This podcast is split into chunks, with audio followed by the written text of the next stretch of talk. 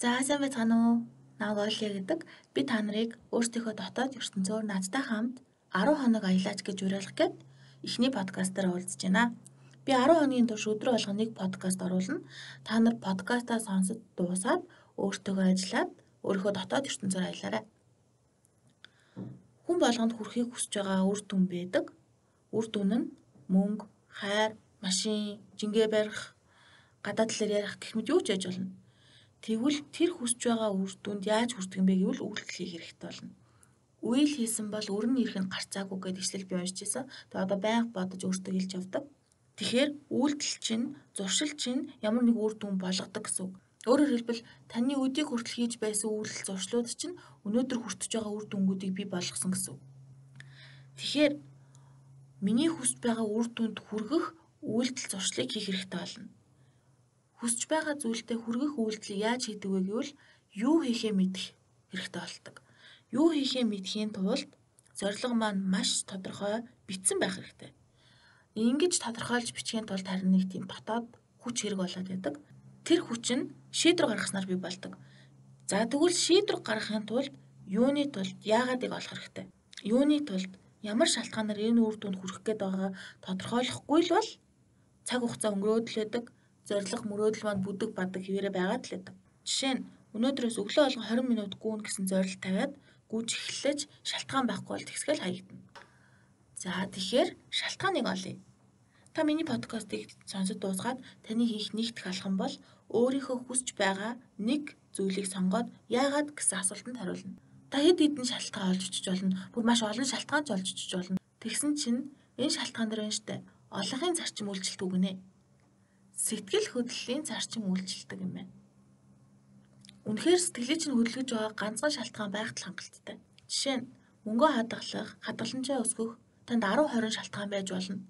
Гэтэл тэр нэг цүнхийг авах танд ганцхан сэтгэл хөдлөл байхад л тэр 10 20 шалтгааныг чинь дийлнэ гэсэн.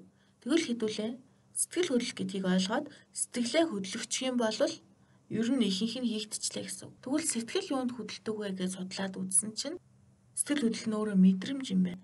Мэдрэмж нь зовлон жаргал гэсэн хоёр туйлтай.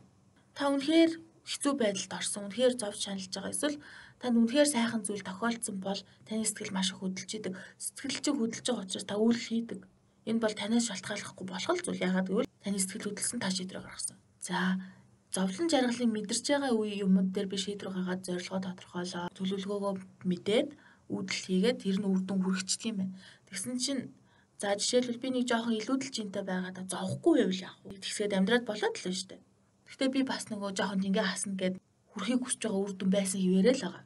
Тэгсэн чинь азар энэ зовлон жаргалын мэдрэмж сэтгэл хөдлөлийг хиймлэр үүсгэж болдго юм байна. Сэтгэлээ хөдлөхөд зовлон эсвэл жаргал ял нэг л байгаад хангалттай. Тэгтээ хэдүүлээ хоёулангийн ашиглана.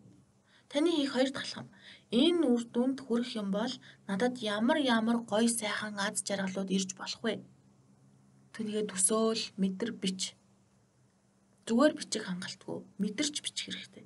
Дараа нь энэ үр дүнд хүрэхгүй бол надад ямар ямар муухай зовлон тохиолдож болох вэ? Төсөөл, мэдэр бич. Энэ үр дүнд хүрээгүй байгаа болохоор ямар олон боломжууд алдж байгаагаа ч төсөөл. Тэгээд бич. Сэтгэл хөдлөлтөөр бич, мэдэрч бич. Яагаад гэвэл бидний зорилго сэтгэлээ хөдөлгөх.